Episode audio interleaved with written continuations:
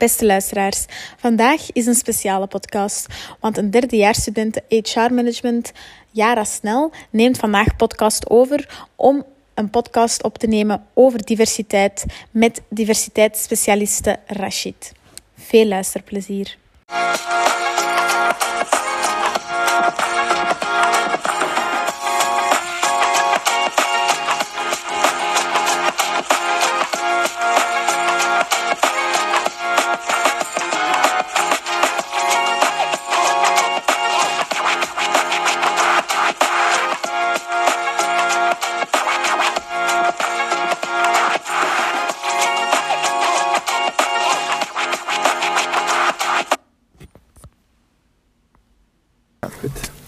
Oké, dus uh, ik ben Jara Snel. Ik ben dus een laatstejaars HR-studente op Thomas More.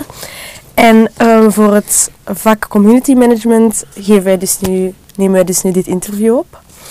Um, waarom het doel eigenlijk van dit interview is eigenlijk om de medestudenten en de andere mensen eigenlijk iets bij te brengen rond diversiteit en inclusie. En ik denk dat niemand dat beter zou kunnen dan onze expert, die, um, Rashid. dus Rashid, Zeg maar, stel jezelf eens kort voor. Ik stel mijn eigen voor inderdaad. Dus ik ben Rashid Etaibi en uh, ik ben eh, papa van vier kinderen. Ik woon in het Mechelse, in een dorp naast Mechelen. En um, ik ben inderdaad diversiteits- en inclusie-expert uh, al meer dan twintig jaar. En vooral ook omdat ik zelf betrokken ben en ik heb veel dingen meegemaakt in mijn jeugd en heb ik op een moment gezegd van oké, we gaan er iets mee doen, we gaan de wereld toch een beetje beter maken. Um, daarnaast ben ik ook ondernemer. Ik heb verschillende projecten die ik ook uh, doe. Maar dit is voor mij heel belangrijk. Dus als project, uh, daar werken we heel hard aan om bedrijven te helpen groeien op het gebied van diversiteit en inclusie. Um, en ook de werknemer eigenlijk uh, de, de, juiste plaats te geven, om die een stem te geven, om dat de mensen zich gerespecteerd en gewaardeerd voelen binnen, binnen de werkmuren. Oké, dus als expert voor diversiteit en inclusie weet je natuurlijk alles over diversiteit en inclusie, maar wat is diversiteit en inclusie eigenlijk voor u? Wel, um, diversiteit, laten we daarmee beginnen. Dus de twee aspecten. Diversiteit is de, de, de, de verscheidenheid die er is. Hè. Dus elke mens is uniek. En, en dus we hebben een heleboel parameters die ervoor zorgen dat we mens zijn. En je hebt bepaalde zaken die je meekrijgt met de geboorte, zoals bijvoorbeeld je etniciteit, uh -huh. um, zoals bijvoorbeeld je geaardheid en dat soort zaken. Dus je hebt eigenlijk een heleboel zaken die je meekrijgt met de geboorte waar je niks aan kan veranderen. Dat maakt dat is je identiteit. En daarnaast zijn er nog andere factoren, zoals bijvoorbeeld de cultuur waarin, waarin je opgroeit, het onderwijs dat je hebt gehad, um, bijvoorbeeld de, de, de religie en dat soort zaken. Al die elementen gecombineerd met elkaar vormen een uniek individu. En dat is dus een verscheidenheid die we hebben, dus elke persoon is anders. Dus diversiteit be betekent eigenlijk dat, ja, de, de verscheidenheid die er is tussen de mensen.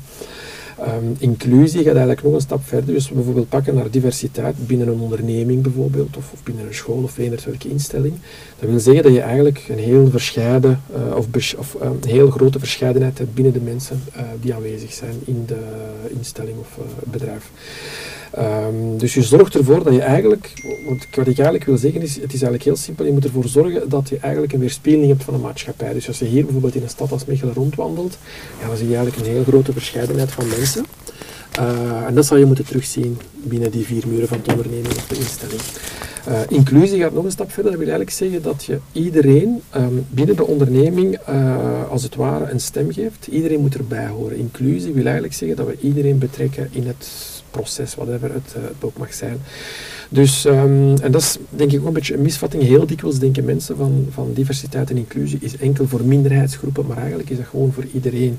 Dus je hebt bijvoorbeeld uh, iemand uh, die een autochtoons Vlaamse vrouw die in onderneming zit, maar die heel verlegen is, die nooit haar stem durft uh, laten horen in een meeting of in een vergadering.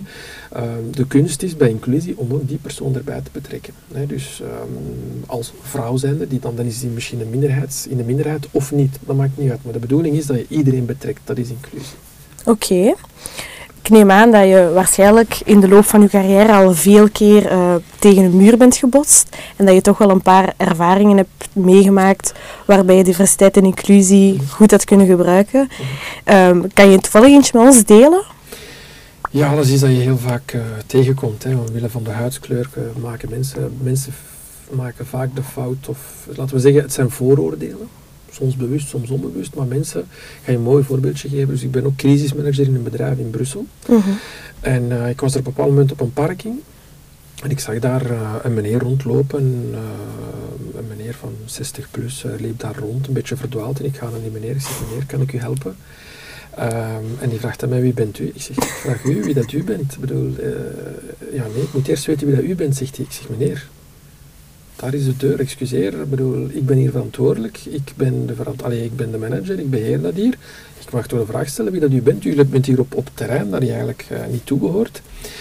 Uh, ja, die begon te stamelen, wist niet hoe, hoe of wat. Um, maar, maar dus, ik zag heel duidelijk dat hij gegeneerd was als ik zei van ik ben de manager hier.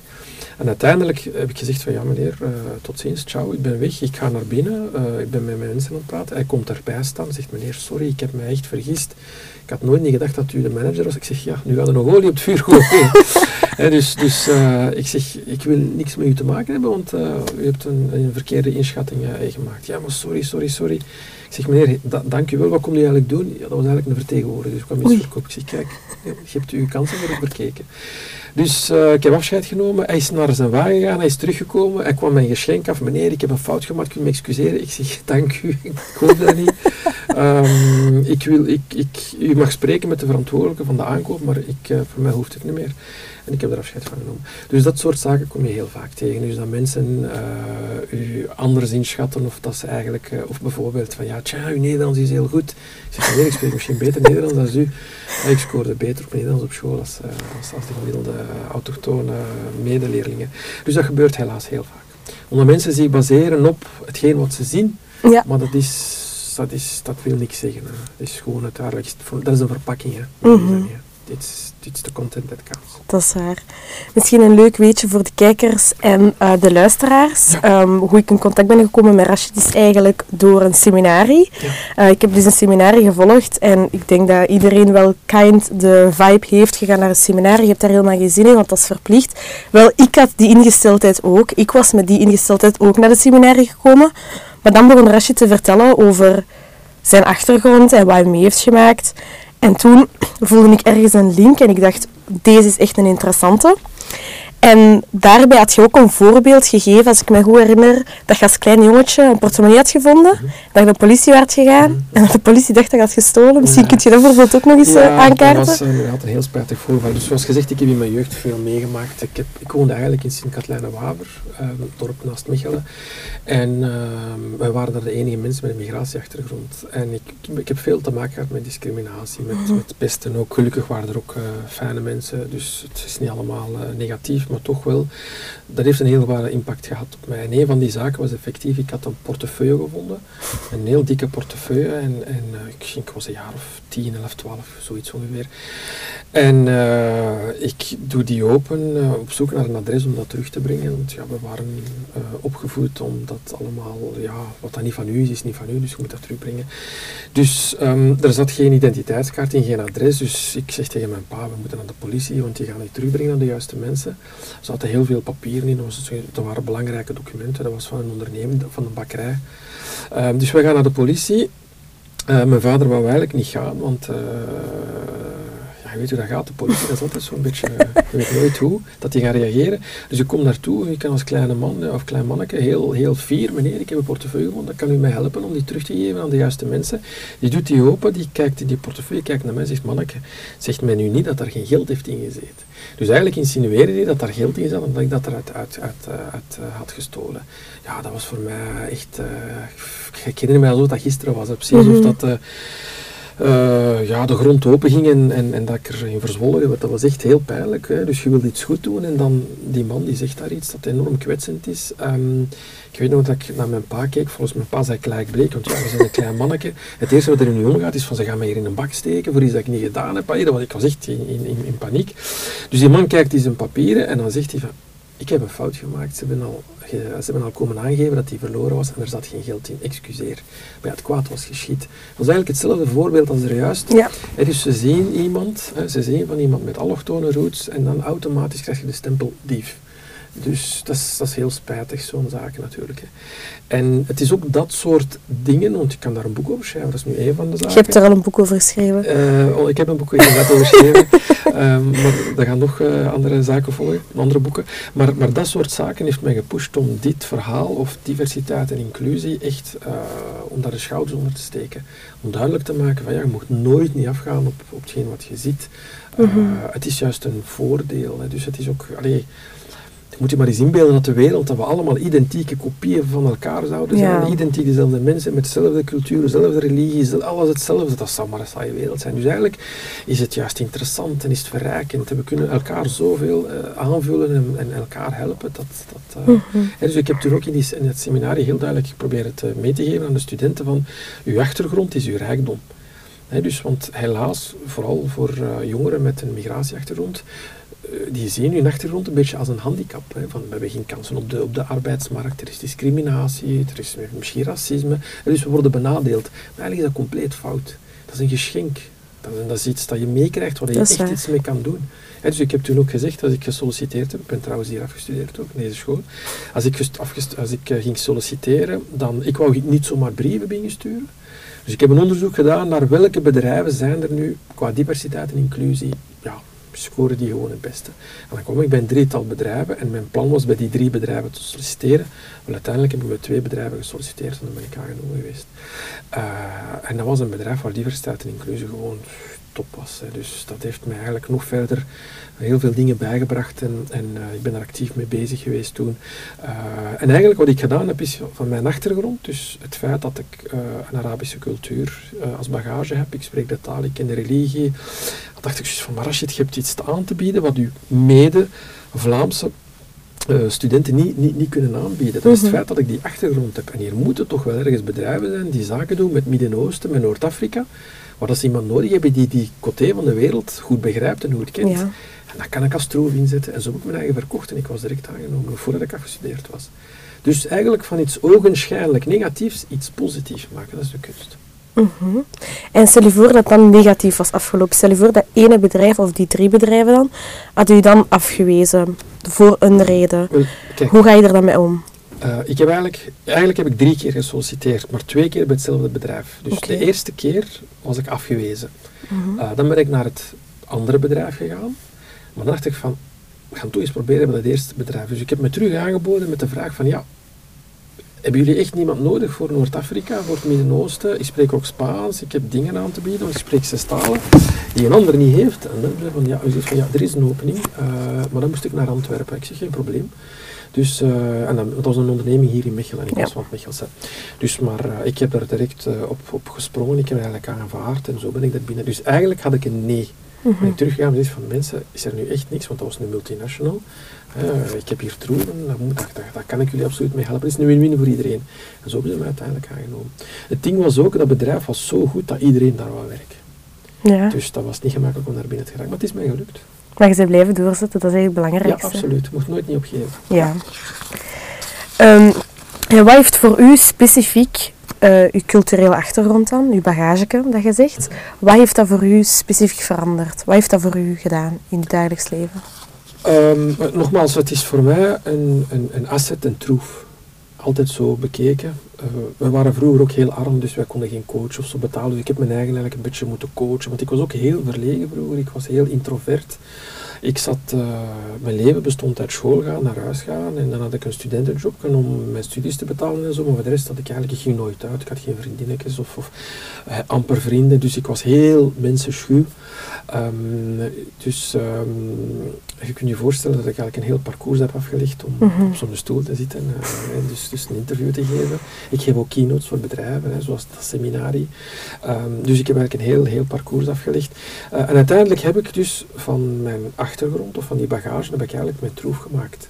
En dus als we kijken bijvoorbeeld naar diversiteit en inclusie, het is door die culturele bagage, die achtergrond, dat ik heb ingezien dat het fout loopt op heel veel vlakken. En dan was het van mij, kijk, ik ga daar iets aan doen. Ik wil daar een missie mhm. van maken. Ik wil, daar, ik wil de wereld ergens een betere plaats maken voor mensen die werken binnen bedrijven, voor studenten die morgen op de arbeidsmarkt komen en zo. Um, dus, dus ik heb eigenlijk van mijn bagage, dus eigenlijk, ja, dat is een, een voordeel van iets waarschijnlijk negatiefs, iets positiefs maken. Dat heb mhm. ik eigenlijk gebruikt om daar iets mee te doen. Um, voor de rest heb ik dat in, in het ondernemen op andere vlakken ook gebruikt. Ik begeleid ook ondernemers die willen investeren in Noord-Afrika. Dus in de Arabische wereld. Hè. Dus iemand die van hieruit naar Ginder gaat, dat is een ander land met een andere cultuur, een andere manier van denken, een andere manier van, ja, ook een andere taal. Hè. Dus, dus, maar een heel andere ingesteldheid. En, en dat is belangrijk om daar die mensen te assisteren. Dus, dus dat is ook weer die culturele bagage of die achtergrond, dat is een asset. Mhm. Dus altijd de vraag stellen van ja, wat heb ik aan te bieden en hoe kan ik dat inzetten? Hoe kan ik daar anderen mee helpen groeien en uzelf ook, want het is altijd een win-win voor anderen. En zo heb ik voor heel veel projecten eigenlijk altijd hetzelfde gedaan. Dus die bagage is eigenlijk een, een heel groot uh, voordeel. Mhm. Ik hoor daar juist een paar keer zeggen dat mensen vooroordelen hebben. Daar wordt iedereen dagelijks mee geconfronteerd. En uit voordelen ontstaan meestal stereotypes. Mhm. Hoe ga jij om met die stereotypes? Ja, dat is eigenlijk... Uh, de kunst is daar uh, mee om te gaan op een gezonde manier. In die zin, ja, je kunt altijd... Het leven bestaat uit keuzes, dus we hebben er constant mee te maken. Uh, bijvoorbeeld het voorval met die man op die parking bijvoorbeeld. Ofwel ga je daarin mee en uh, ja, kan je eigenlijk geënerveerd geraken en Ja. kan je daarin opwinden, ofwel probeer je dat gewoon te klasseren. En uiteindelijk op de duur krijg je een dikke huid als het ware. Um, en je trekt je niet aan, want als je daar echt in meegaat, dat heeft een emotioneel uh, impact op je als persoon. Dus uiteindelijk nogmaals, je moet je eigen, niet dat je arrogant moet zijn of dat je boven de mensen moet staan, maar je moet eigenlijk een heel sterk karakter hebben om je daar overheen te zetten. Het is nu eenmaal zo, de wereld is zo. En uiteindelijk heb ik me er ook in verdiept en ik heb het toen denk ik ook gezegd in dat seminarie, dus soms zijn vooroordelen gewoon een, een, een, een automatisme Ja. dat eigenlijk ingebakken zit in ons hersenen. En dus onze voorouders die moesten vroeger, die leefden in, in, grot, in grotten en dergelijke. Dat was geen voordeur, dus die moesten constant op hun hoede zijn. Dus als er iemand kwam van een andere stam, moesten die heel snel beslissen van ja, komt hij nu in, eh, in, in, in vrede of, of komt hij mij beroven of komt hij ons eigenlijk uh, uh, komt hij iets bestelen of weet ik veel. Dus, en uiteindelijk is er instinctief iets, allee, zijn de hersenen instinctief beginnen mensen in hokjes steken. En de moderne mens zit daar nog altijd mee. Vroeger was dat normaal, hè, dus ja, je moest op je hoede zijn, je moest heel snel beslissen van is die persoon die hier voor mij staat een gevaar of niet. En dan moest je heel snel handelen om je eigen te verdedigen. Dat van vandaag is dat gevaar er niet meer. We hebben een voordeur, we zitten veilig thuis, hè, relatief veilig. Dus dat is niet meer van toepassing, maar onze hersenen werken zo nog. Dus heel veel mensen gaan heel automatisch vooroordelen. Dus dat is heel normaal soms, dat is menselijk. Maar je hebt natuurlijk bewust en onbewust. Hè. Dus dit is het onbewuste. Mhm. Dus van het moment dat ik dat ook wist, dacht ik ook van, ja, oké, ja, want iedereen doet het automatisch. De kunst is alleen van het onbewuste proberen bewust te maken. Dus ik bijvoorbeeld, ik ga nooit oordelen. Ik ga nooit oordelen. Het is niet aan mij om over anderen te oordelen. Dus um, uh, mensen doen dat automatisch helaas heel snel. Uh, maar de kunst is inderdaad om die stereotypen ergens te parkeren, een plaatsje te geven en daar ja, tegenin te gaan. Je mag best assertief zijn, zolang het niet arrogant is. Zolang dat je, dus ook conflicten vermijden, dat soort zaken heb ik nooit niet gedaan. Ik heb onlangs een artikel geschreven op LinkedIn over... Uh, een buurvrouw hier in Mechelen. Ik ah ja, ik heb het gezien. Voilà. En dus de buren hadden me allemaal verwittigd, Rashid, pas daarvoor op, dat is een racistische vrouw en uh, dat komt niet goed. Alleen mensen met een andere migratie, dat gaat ruzie geven. Ik dacht van, oké, okay, we blijven rustig. Hè. Dus ofwel ga je daarin mee of niet. Ik heb allemaal bij haar aangebeld en ik heb haar gezegd, dat was een zaterdagavond, van wij gaan u morgen een heerlijk Marokkaans ontbijt aanbieden. Dan was een beetje verrast, wist niet goed wat zeggen. Hij stamelde van ja, oké, okay, de dag nadien zo'n grote plateau met allerlei lekkernijen. Ik heb het afgegeven en dat is een, echt een top, top, allee, topvriendin geworden. Wij hielpen elkaar, die kwam mijn gras afrijden, die heeft een muurtje gebouwd van een meter tachtig hoog. Uh, een madameke van meer dan 70 jaar. Maar ik hielp haar en dus dat is een fantastische vriendschap geworden. Dus ik had daar tegenin kunnen gaan. En dan creëer je eigenlijk tegenpolen, creëer je polarisatie. Of ik heb haar gewoon de hand gereikt. En dat is geen dat constant doe in het leven. Want ik heb nog zo mensen ontmoet. Een van mijn allerbeste vrienden nu, dat was iemand die een diehard Vlaams Belanger uh, mij gezegd. Uh, ik deed daar zaken mee en ik zag inderdaad, uh, oh, met die Marokkanen bestelen bij die Turken, dat zijn bandieten. En dat was zo, ik zeg maar, kom, dat was Stijn heet. En ik zeg, Stijn, doe een plezier, kom eens drie dagen mee naar Marokko. Ik heb die meegepakt. dat is een van mijn beste vrienden geworden. Dus ook daar heb ik laten zien van, kijk, wij zijn ook maar normale mensen. En je hebt allerlei mensen bij iedereen, hè, dus mensen met goede bedoelingen, met slechte bedoelingen, maar de, de, de typische Marokkaan is niet altijd een dief, of, of de typische Turk is niet altijd weet ik veel wat, en zo verder. Of een Jood is niet per se weet ik veel wat. Dus dat is totaal verkeerd om de stempel te geven op mensen. Mensen zijn gewoon wie ze zijn. We het is niet aan ons om iedereen te beoordelen of iedereen in hokjes te steken. Nee, dat is waar. Spreek met de mensen. Ik geloof echt in verbinding. En dan kan je zien dat er zoveel verrijkend is, dat we echt elkaar kunnen aanvullen, dat we fantastische dingen kunnen doen voor elkaar. En dat is veel leuker. Dat is waar. Dus ik heb er al gehoord dat je zei dan van, dat je van iets negatiefs eigenlijk iets positiefs moet maken en van het onbewuste het bewuste moet maken. Heb je misschien nog eh, tips en tricks voor onze luisteraars of onze kijkers? Ja, een heel goede tip die ik heel vaak gebruik is, zet u in de schoenen van de persoon tegenover u. Dat is een hele goede om een beetje aan te voelen waar dat die persoon mee worstelt of waar dat die persoon eigenlijk eh, mee zit of dat je probeert eigenlijk een band op te bouwen. Dus zet u in die schoenen. Eh, probeer u in te leven hoe die persoon eigenlijk zich moet. Ik bedoel, het is heel simpel, eh, het is heel stom. Eh, ik heb niet graag dat mensen tegen mij liegen. Waarom moet ik dan tegen u liegen? Mhm. Dus zet u in de schoenen van die persoon en handel alsof dat jij die persoon bent. En dat is een hele goeie. Eh, ik heb bijvoorbeeld ehm, als, als manager, heb ik, als ik in een bedrijf kom voor de eerste keer, ik trek een overal aan, ik ga mee met de, met de arbeiders werken. En ik leef tussen die mensen een paar dagen, ik ga mee lunchen en ik luister en, en ik probeer te zien wat er leeft. Dat is de beste manier.